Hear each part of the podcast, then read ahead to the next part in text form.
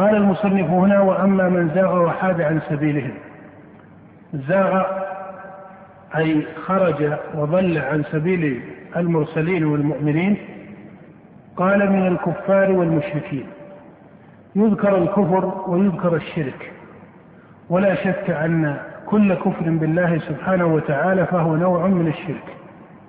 كما أن الشرك بالله سبحانه وتعالى وهو الشرك المطلق في القرآن الذي إذا ذكر في القرآن أريد به العبادة لغير الله المذكور في مثل قول الله تعالى إنه من يشرك بالله فقد حرم الله عليه الجنة إلى غير ذلك. هذا الشرك المطلق في القرآن هو أيضا كفر. أما أن الشرك الأكبر كفر فهذا أمر بين. وأما أن الكفر شرك ولا بد فلأن الكافر لا بد أن يكون اتخذ إلها غير الله لأن معنى الاتباع المطلق هو نوع من الشرك. وقد ذكر الله في كتابه أنواع الشرك فذكر من أشرك بعبادة الأصنام والأوثان ومن أشرك بعيسى عليه الصلاة والسلام إلى غير ذلك. وذكر سبحانه في كتابه من الشرك اتخاذ الهوى إلها. بمثل قول الله تعالى أرأيت من اتخذ إلهه هواه؟ فهذا الذي كفر بالله بمعنى أنه أعرض عن سائر أمر الله ولم يرفع بذلك رأسا أو سمى نفسه لا دينيا أو نحو ذلك من التسميات فإن هذا يقال إنه كافر ويجوز أن يقال إنه مشرك وشركه هنا بأنه اتخذ إلهه هوى والشرك إذا أطلق في القرآن دل على الشرك الأكبر. ولذلك اختلف العلماء هل الشرك الأصغر يدخل في قول الله تعالى ويغفر ما دون ذلك لمن يشاء أم أنه يدخل في قوله إن الله لا يغفر أن يشرك به؟ على قولين معروفين في كلام أهل العلم وإن كان الأقرب أن باب الشرك الأصغر هو من باب الكبائر وليس من باب الشرك المذكور في الآية. ولا سيما إذا اعتبرت أن هذا الباب معتبر بشرك الألفاظ ونحوها فإن هذا يقود إلى مثل هذا النوع قال من قال واما من زاغ وحاد عن سبيله من الكفار والمشركين والذين أوتوا الكتاب. الذين أوتوا الكتاب إذا أطلق ذكرهم في القرآن فإنه يراد بهم اليهود والنصارى الذين انحرفوا عن كتابهم المنزل على أنبيائهم ورسلهم. قال ومن دخل في هؤلاء من الصابئين أو من الصابئة. هذا الاسم عن الصابئه يستعمل في غير معنى. وترى أن الله في القرآن ذكر قوما من الصابئين على قدر من الإيمان. في قول الله تعالى إن الذين آمنوا والذين هادوا والنصارى والصابئين من آمن بالله هذا على تفسير الآية بأنهم مؤمنون. أو على تفسير الآية بأنهم مخاطبون بالإيمان فمن انقاد من من هؤلاء إلى الإيمان. وهذا لوجهان في تفسير الآية.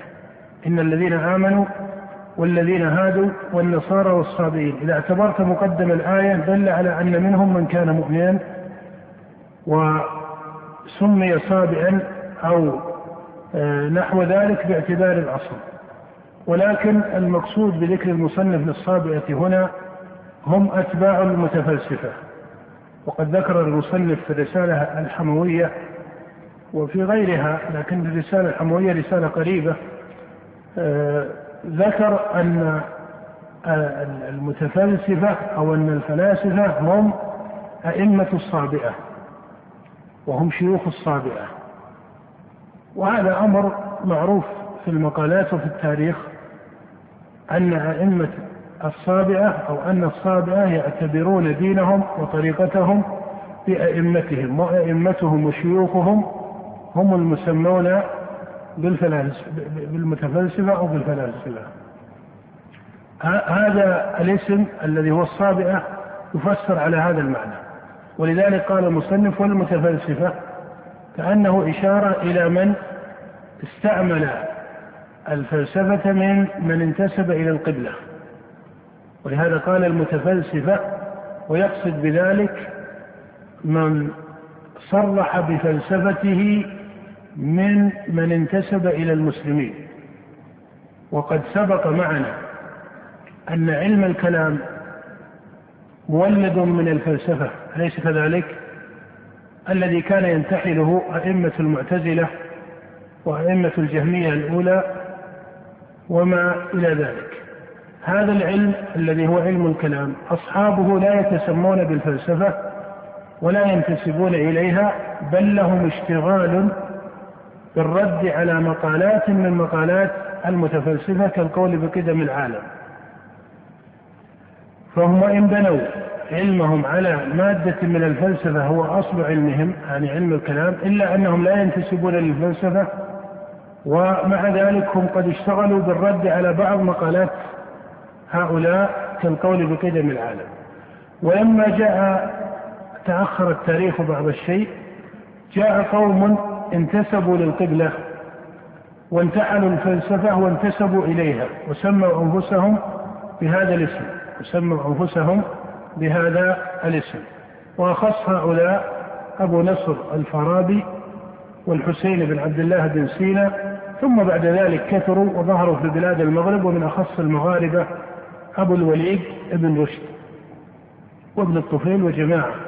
المقصود أن هؤلاء فرق بينهم وبين المتكلمين أن المتكلمين لهم طريقة في تحصيل مسائل أصول الدين مبنية على أن ما في القرآن من النصوص في الصفات نطقت بالحق ولكنه ولكنها تحتاج إلى تأويلها عن ظاهرها. وهذا كأنه أخص الفرق في هذا الباب وإلا فالباب واسع لكن إذا سألت عن الفرق بين المتفلسفة كابن سينا ونحوه وبين أئمة المعتزلة في هذا الباب. قيل الفرق من وجوه لكن أخص هذه الوجوه أن أئمة المعتزلة كأبي الهذيل العلاف ونحوهم يرون أن الحق في باب الصفات مذكور أين؟ مذكور في القرآن. ولكنه ليس هو الظاهر من الآيات بل يحتاج إلى بل يحتاج القرآن إلى تأويل. فيرون أن النصوص نطقت لذلك إذا ما أولت. أما قبل تأويلها فإنها لم تنطق أو فإنها لا تدل على الحق في زعمهم بهذا. أما ابن سينا وأمثاله من الذين صرحوا بالفلسفة وانتحلوها ودافعوا عنها فيرون أن الحق في هذا الباب في باب صفات الرب وفي باب ذاته ووجوده وأفعاله وما إلى ذلك يرون أن الحق في هذا الباب لم تنطق به النصوص لم ينطق به القرآن. وإنما غاية ما في القرآن كما يقول ابن سينا إشارة مجملة إلى هذا التوحيد. وإذا سألته من أين يحصل ذلك قال يحصل الحق من الحكمة. ويقصد بالحكمة إيش؟ الفلسفة.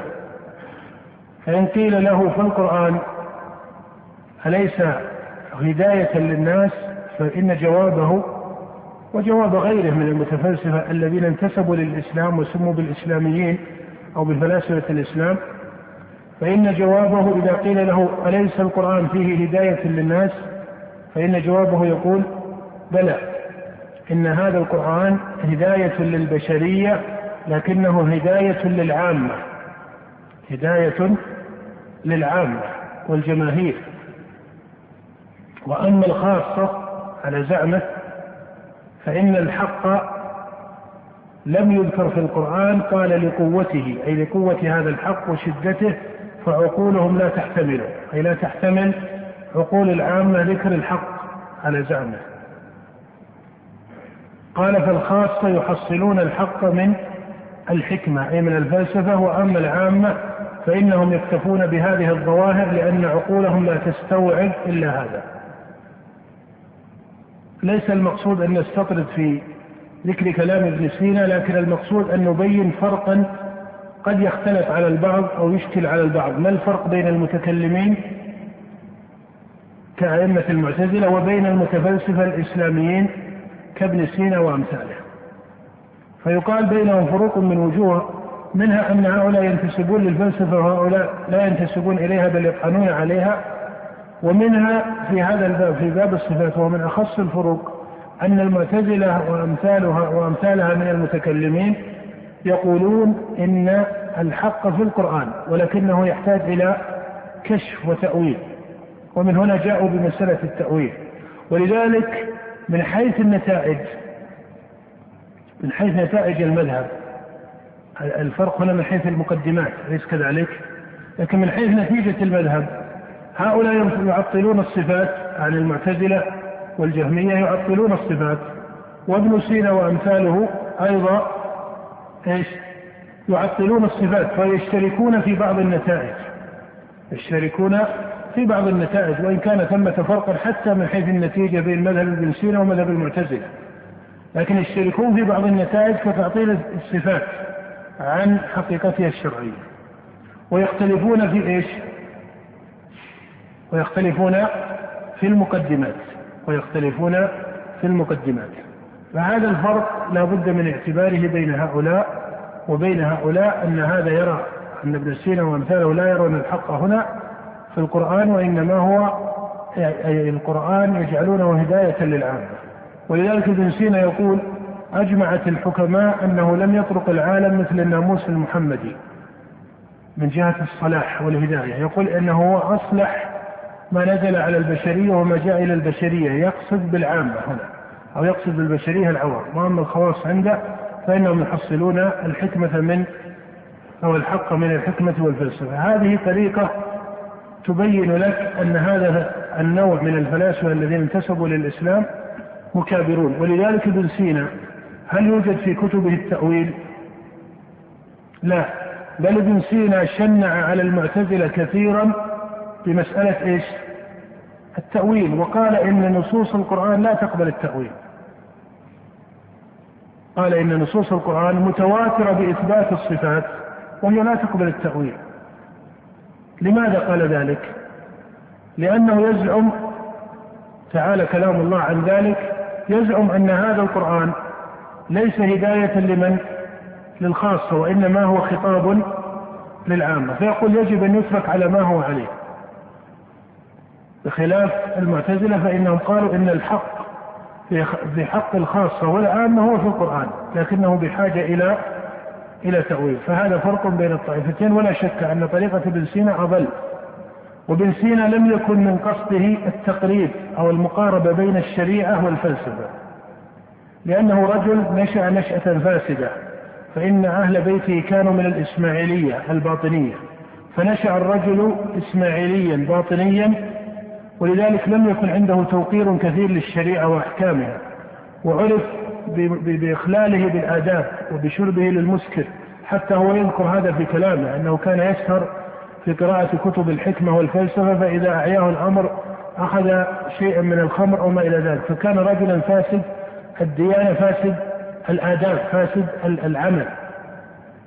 عنده انحراف كثير بخلاف ابن رشد وهو فلسفي لما جاء وهو رجل معظم للشريعة وفقيه على مذهب الإمام مالك كما تعرفون وله مصنف مشهور في هذا وهو بداية المجتهد.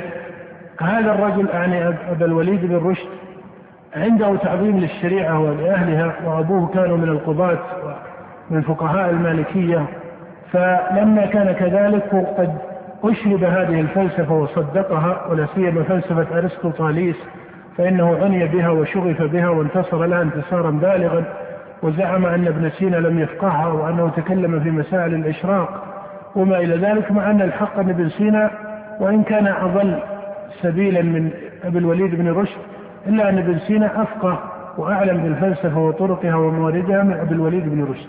ابن رشد إنما صدق فلسفة أرسطو بخلاف ابن سينا فإنه ذكر هذه الفلسفة وغيرها.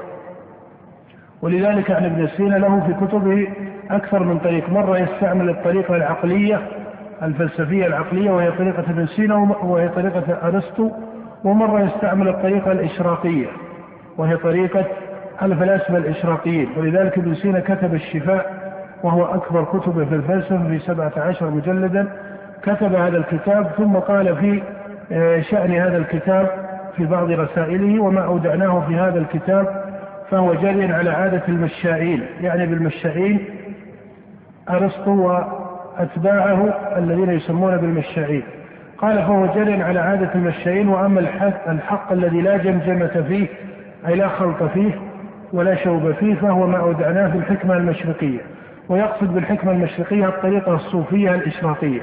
ولذلك ابن سينا عقلاني في بعض كتبه إشراقي صوفي في بعض كتبه. وفي كتاب الإشارات والتنبيهات له جمع هذين السبيلين كأبي حامد الغزالي فإنه عقلاني في بعض كتبه متكلم في بعض كتبه كقواعد العقائد ونحوها وصوفي وهو المشهور عن أبي حامد الغزالي فلأبي حامد طريقتان. في ذلك القرن في القرن الرابع والخامس والسادس شاع في هذا القرن عند هذا النوع من الصوفية أو الحكماء أو النظار شاعت نظرية تقول إن المذهب الشخصي للإنسان لا يلزم أن يكون إيش؟ واحدا. ولهذا أبو حامد آه، أجاب عن هذا التباين في كتبه.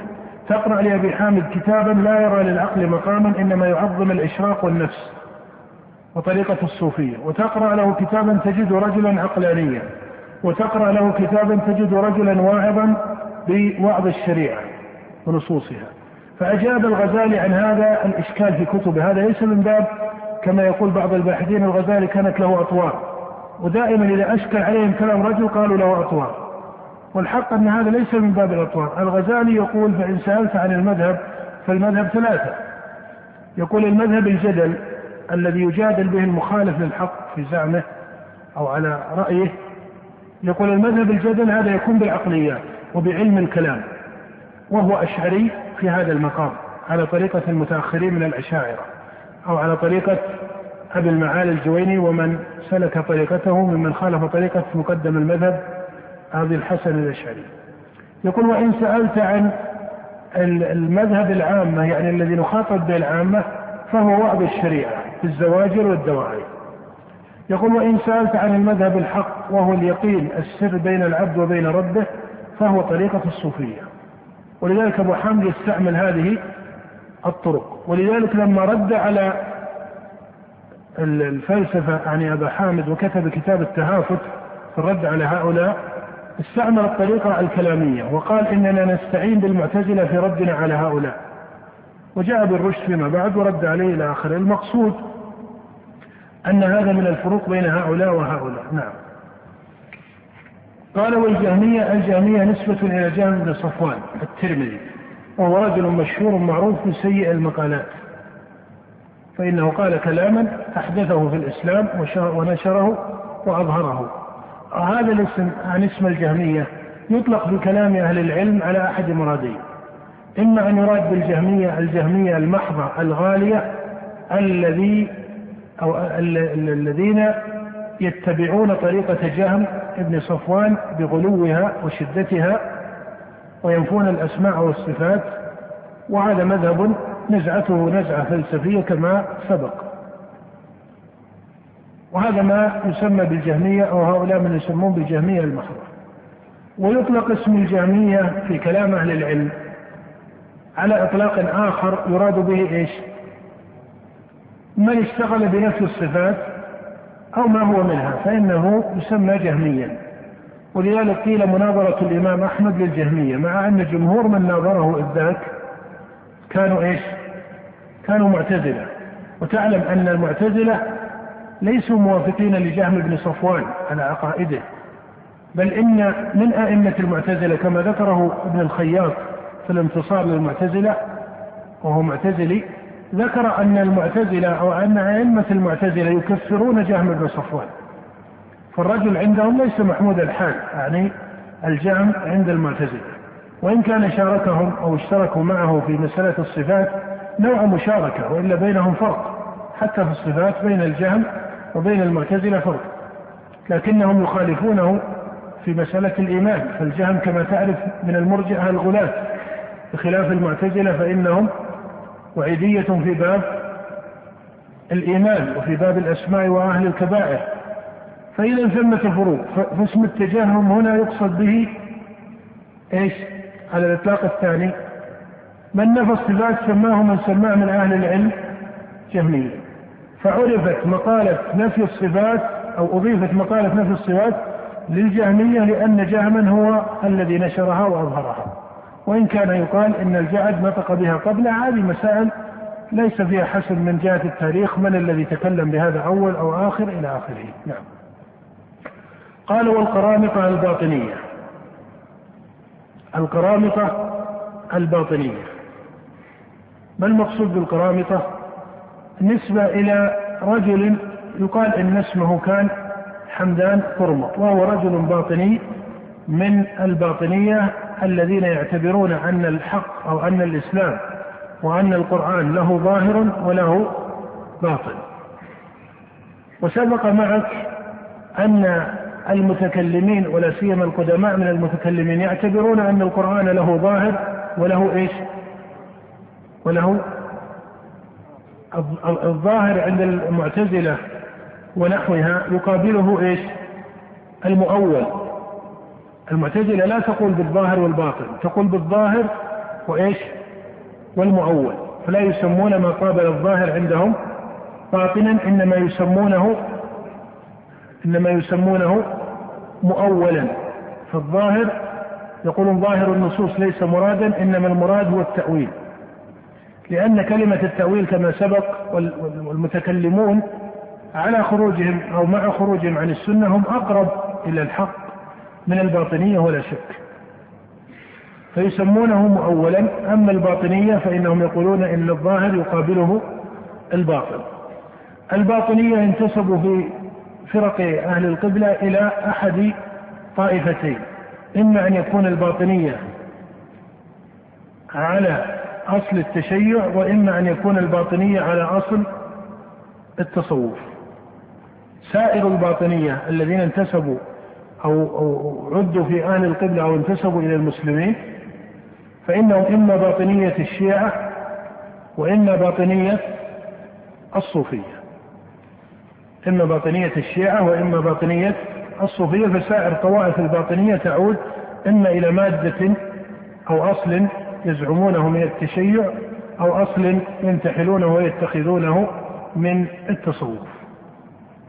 ولذلك الباطنية هم غلاة الشيعة والباطنية هم غلاة الصوفية. فإذا قيل من غلاة الصوفية قيل باطنيتهم وإذا قيل من غلاة الشيعة قيل قيل باطنيتهم ثم باطنية الشيعة أو باطنية الصوفية على مدارس وعلى طوائف وعلى نزعات بينهم قدر من الخلاف والوفاق ولذلك قال والقرامطة الباطنية هنا من التأمل في كلام المصنف تنبهوا إلى هذا.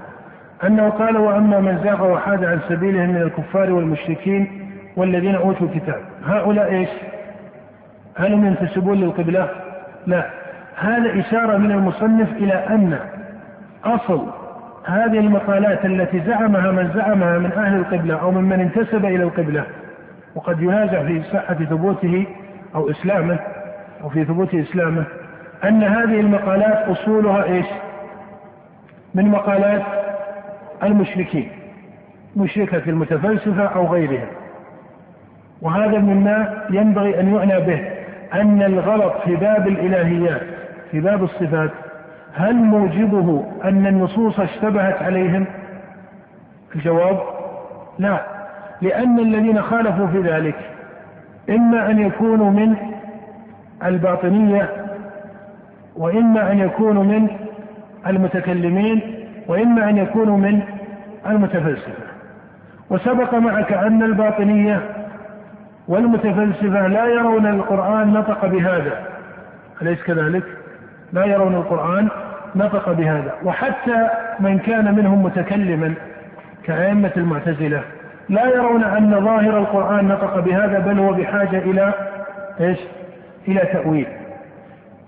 فمراد الإمام ابن تيمية هنا وهذا شرحه في كتب كثيرا أراد أن يقول إن البدعة التي ظهرت بعد عصر الصحابة ثم شرحها المتفلسفة كابن سينا ونحوه. ودخلت على بعض الفضلاء من الفقهاء يعني دخل شيء منها على بعض الفضلاء من الفقهاء المتأخرين أو بعض المنتسبين للسنة والجماعة يقول أصل هذه المادة من نفي صفات الله وإخراجها عن ظاهرها الشرعي يقول أصل هذه المادة ليس سببها ماذا؟ أن نصوصا اشتبهت عليهم من القرآن بل هذه فلسفة أصل المادة أصل المادة وأصل المقالة. ذاك من التفاصيل التي قد يكون لها بعض الأحوال الخاصة. لكن أصل هذه النزعة هل طرأت على من انتسب للقبلة من النصوص نفسها؟ أم أنها طرأت عليهم من حكمة زعمها وهي الفلسفة نقلها إلى المسلمين؟ أو ولدها بعلم الكلام فدخلت عليه. أيهما ثاني؟ وانتبهوا في هذا. البدع التي ظهرت في الجملة تنقسم إلى قسمين.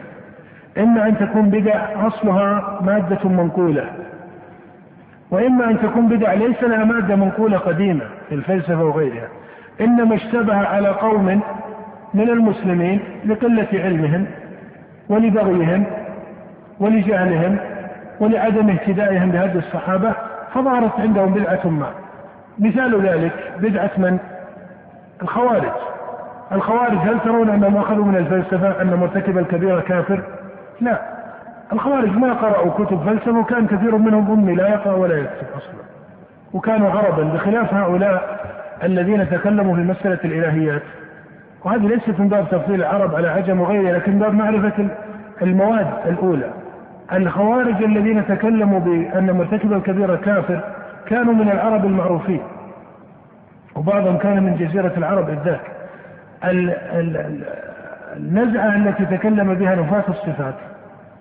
أئمتها الذين افتتحوها وابتدأوها كانوا من الموالي كانوا من العجم كابل وزير علاف ليس من العرب من جهة الأصل وكذلك من قبله وكذلك ابن سينا وأمثال هؤلاء كانوا من بلاد العجم أو من الموالي الذين دخلوا بلاد العرب وكانوا عجما من حيث الأصل فالقصد أن مقالة الخوارج هي اشتبهت عليهم من القرآن لا لكون القرآن محتملا لهذه البدعة وإنما لجهلهم عن الخوارج ولظلمهم وما إلى ذلك. لكن في النتيجة هل الخوارج نقلوا هذه البدعة؟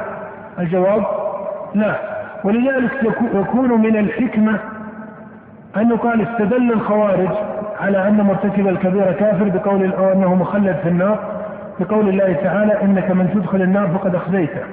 وهذا استدلوا به أمام جابر بن عبد الله كما في حديث يزيد الفقير عند مسلم. سألوا جابر بن عبد الله عن هذه الآيات. إن الله يقول إنك من تدخل النار فقد أخزيته إن الله يقول كلما أرادوا أن يخرجوا منها أعيدوا فيها. فيجاب الخوارج عن هذه الآيات كما أجابه ابن عباس وجماعة من الصحابة. أما بدعة نفي الصفات فهي بدعة إيش؟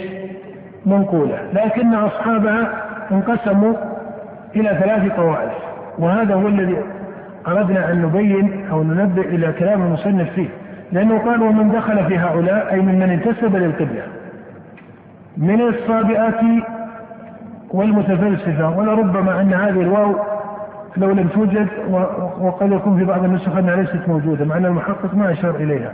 لكن كان الأقرب أن السياق هنا من الصابئة المتفلسفة لأن المصنف كأنه هنا يريد الإشارة إلى أن من انتسب للقبلة هم ثلاث نزعات الذين حادوا عن سبيل أهل السنة والجماعة في باب الصفات وهم منتسبون للقبلة أصولهم ماذا؟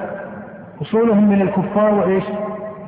والمشركين كأصل مادة لا يعني أنهم يحكم عليهم بحكم الكفار ويقال أنهم هم كفار لا أراد المصنف أن يبين المادة من أين جاءت فقط هذا كلام في العلم والمقالة وليس كلام في من؟ في الحكم والقائل. قال من الصابئة المتفلسفة. من الصابئة المتفلسفة لأن الصابئة أئمتهم هم المتفلسفة. مثال هؤلاء الصابئة المتفلسفة كابن سينا وأمثاله. والجهمية هؤلاء يمثلون من؟ من يسمون بالمتكلمين كالمعتزلة ونحوها. والنزعة الثالثة وهي نزعة من؟ القرامطة الباطنية مع أن الباطنية ليسوا فقط القرامطة ولكن كما أنه ذكر المتكلمين باسم الجهمية لكونهم هم أصل المادة وأشهر المادة فكذلك القرامطة ذكر اسم الباطنية تحتهم. فهنا ثلاث نزعات انتسب أصحابها للقبلة. من كان متفلسفا كابن سينا من كان باطنيا من كان إيش؟ متكلما جهميا. مع أن ابن سينا ابن تيمية في كتبه أحيانا يضيف ابن سينا إلى إلى الباطنيه هذه مسألة أخرى. لكن هنا ثلاث نزعات. هنا ثلاث نزعات. نعم. قال فانهم قال فإنهم يصفونه بالصفات السلبية على وجه التفصيل ولا يثبتون إلا وجودا مطلقا لا ما المقصود بالصفات السلبية؟ صفات النفي. الصفات السلبية السلب والنفي أي النفي المجرد. سؤال هل النفي ال... الذي ليس مجردا يكون حقا أم لا يكون؟ هل يوجد في القرآن نفي مجرد؟ الجواب لا لكن يوجد في القرآن نفي لكنه ليس مجردا أي أنه يتضمن أمرا ثبوتيا. أما الذي يصفونه هؤلاء به فهو السلب أو النفي المجرد. ما معنى المجرد؟ أي المجرد عن أمر ثبوتي لا يتضمن أمرا ثبوتيا لأنهم يقصدون النفي لتحقيق النفي لا لإثبات كمال من الكمالات. نعم. نعم.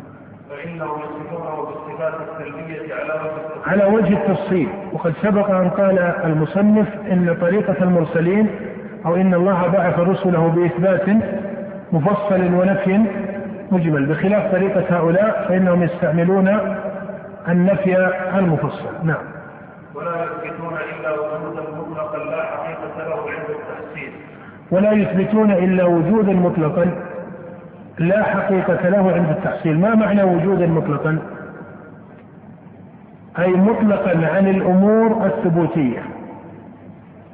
لا يثبتون إلا وجودا مطلقا أي مطلقا بمعنى مجردا عن الأمور الثبوتية. إلا وجودا مطلقا أي مجردا عن الأمور الثبوتية. ولذلك ابن سينا وهو مؤلف أو شارح نظرية التجريد هذه يقول إن الباري وجود مطلق. ما معنى وجود مطلق؟ أي مجرد عن الأمور الثبوتية. يقول إنه واحد من كل جهة مجرد عن هذه الإضافات والتخصيصات إلى آخر ما يزعم من الكلام. نعم. وإنما يرجع إلى وجود في الأذهان يمتنع تحققه وإنما يرجع يعني الوجود المطلق بمعنى أن تقول إن الله موجود وليس له صفة يقول المصنف إذا جردت الباري عن سائر صفاته من العلم والحكمة والرحمة والعزة والقدرة وغير ذلك من الصفات والأفعال يقال إذا جرد الباري من الصفات فإن هذا وجود لا يمكن أن يكون متحققا في الأعيان أي في الوجود الحقيقي أي في الخارج لماذا؟ لأنه ولله المثل الأعلى الشيء إنما هو موجود بصفاته أليس كذلك؟ وأما إذا جردته عن الصفات فإنه يبقى شيئا ذهنيا وإذا أخذت مثلا في الإنسان ولله المثل الأعلى وهذا في المخلوق فكيف بالخالق سبحانه وتعالى؟ لو أخذت مخلوقا من المخلوقات وجردته عن صفاته فقلت إنه لا يتصف لا بمحبة ولا بعلم ولا إلى آخره وجردته عن صفاته التي تسمى الصفات الجوهرية فقلت إنه ليس له يد وليس له كذا وليس له كذا. أصبح هذا الإنسان إيش؟ موجودا أو معدوما؟ أصبح معدوما. فأي شيء قائم في الخارج قائم بنفسه أو حتى قائم بغيره. إذا جردته عن صفاته العرضية والجوهرية أصبح شيئا ماذا؟ معدوما. ولذلك المصنف سينتهي بالأخير يقول إن هؤلاء فروا من تشبيه الله بالموجودات فشبهوه بالمعدومات. فشبهوه بالمعدومات. نعم. فقوله يستلزم غاية التعطيل وغاية يستلزم غاية التعطيل من جهة أنهم نفوا الكمال عن الله فإن إثبات الصفات هو كماله سبحانه وتعالى. فهذا وجه أن قول هؤلاء يستلزم غاية التعطيل. وأما أنه يستلزم غاية التمثيل فما وجهه؟ أنهم مثلوه بأقل الممكنات وهي الأشياء المعدومة بل ربما زاد غلاتهم ومثلوه بغير الممكنات وهي الأشياء الممتنعة أيهما أكمل الشيء الممكن أو الممتنع؟ الممكن. أيهما أكمل الممكن الموجود أو الممكن المعدوم؟ الموجود أكمل من جهة أنه موجود وهذا إيش؟ معدوم. فيقول إن إن قولهم يستلزم غاية التمثيل. ما أين غاية التمثيل؟ أليس من شبه الله بالمخلوق قد مثل؟ أليس كذلك؟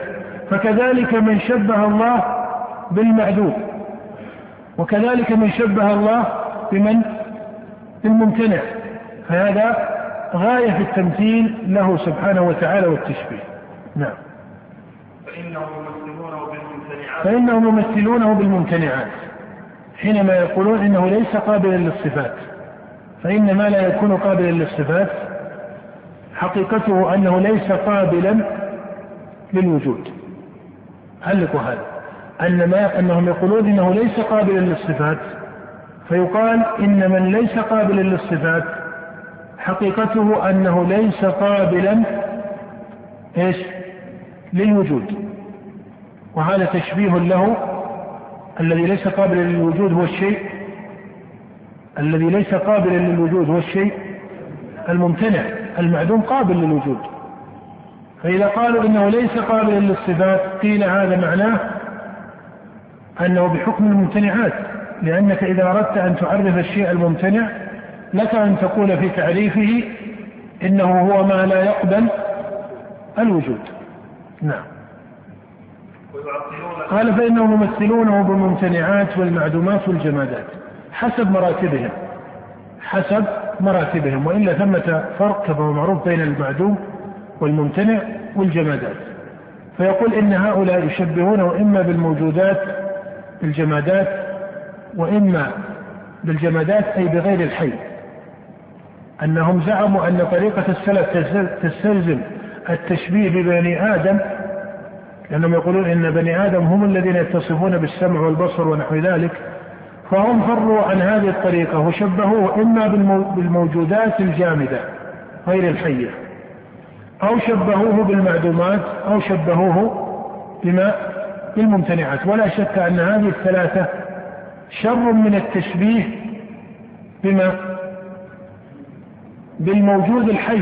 لو فرض أن لو فرض جدلا أن هذا القول يستلزم تشبيها بالموجود الحي. مع أن طريقة السلف أو طريقة أهل السنة والجماعة لا تستلزم التشبيه لا بالحي ولا بغير الحي. نعم. يستلزم نفي الذات. يستلزم نفي الذات. أي أنهم إذا قالوا إنه ليس قابلا للصفات لزم أن لا يكون قابلا لإيش؟ للوجود لأن وجود موجود قائم بنفسه غني عما سواه وهو الله سبحانه وتعالى. يمتنع إلا أن يكون هذا القائم بنفسه الغني عما سواه متصلا بصفات الكمال. وإلا فإن الله سبحانه وتعالى قد أجمع المسلمون وعامة الأمم على أنه سبحانه هو الواحد الأحد القائم بنفسه الواحد في ربوبيته وإن كانوا يشركون في الألوهية على غير المسلمين. لكن من الفطر المستقرة عند جمهور وعامة بني آدم أن الله هو الرب الواحد في ربوبيته القائم بنفسه الغني عن ما سواه. أليس كذلك؟ هذه فطرة واستقرار في الجملة عند بني آدم. فإذا كان كذلك فلا بد لهذا الغني القائم بنفسه. الغني عما سواه أن يكون متصلا بصفات الكمال. وإذا تجرد عنها أو عطل عنها استلزم ذلك ماذا؟ نفي الذات. ألستم ترون أن الله إذا ذكر قصص الأنبياء ولا سيما إبراهيم وإبراهيم قد نازل وجادل الصابئة. إبراهيم بعث في بلاد كان أئمتها المتفلسفة وأتباعهم هم الصابئة وكانوا يظهرون مثل هذه المقالات. ومما يدلك على أن هذه المقالة يعني مقالة نفي الصفات أصلها مقالة صابئية فلسفية. هل ترون أن رسولا في القرآن أو نبيا في القرآن جادل قومه في مسائل تتعلق بأصول الربوبية والخلق والأفعال الإلهية؟ أم كان جدالهم في مسألة ودعوتهم في مسألة الألوهية. إلا في قصة من؟ دعك من فرعون. قد يقول قال فرعون. فرعون كذا غطرسة ترى. فرعون من باب الغطرسة ولذلك قال الله فيه وفي أتباعه وجحدوا بها واستيقنتها أنفسهم. فرعون علو في الأرض. إن فرعون علا في الأرض. فرعون ما رجل غير مثقف من هذا الوجه. يعني ليس ينطلق من فلسفة أو ثقافة معينة. إنما من باب العلو والكبرياء. أما في قوم إبراهيم فإنهم كانوا ينازلون في ذلك. وترى في قول الله وكذلك نري إبراهيم ملكوت السماوات والأرض وليكون من الموقنين فلما جن عليه الليل ورأى كوكبا قال هذا ربي. ولذلك انظر إلى تعليقات ابن سينا على مسألة الأفول فلما أفل. أخذ يرجعها إلى نفس النزعة الصابئة القديمة. ما معنى الأثر قال إنه لما عفل أي تحرك فدل على أن الإله لا يتحرك. هذا غلط. فلما عفل أي غاب واحتجر الكوكب إلى غير ذلك. فالمقصود أن إبراهيم كان يقول لأبيه يا أبتي إيش؟ لم تعبد ما لا يسمع ولا يبصر. فدل على أن الإله الحق لا بد أن يكون متصفا. يعني إذا كان الله سبحانه أبطل ربوبية وألوهية هذه المعبودات بكونها لا تتصف بصفة أو صفتين فمن باب أولى ما يتعلق بسائر الصفات كما قال عن أصحاب العجل ألم يروا أنه لا يكلمهم. نعم.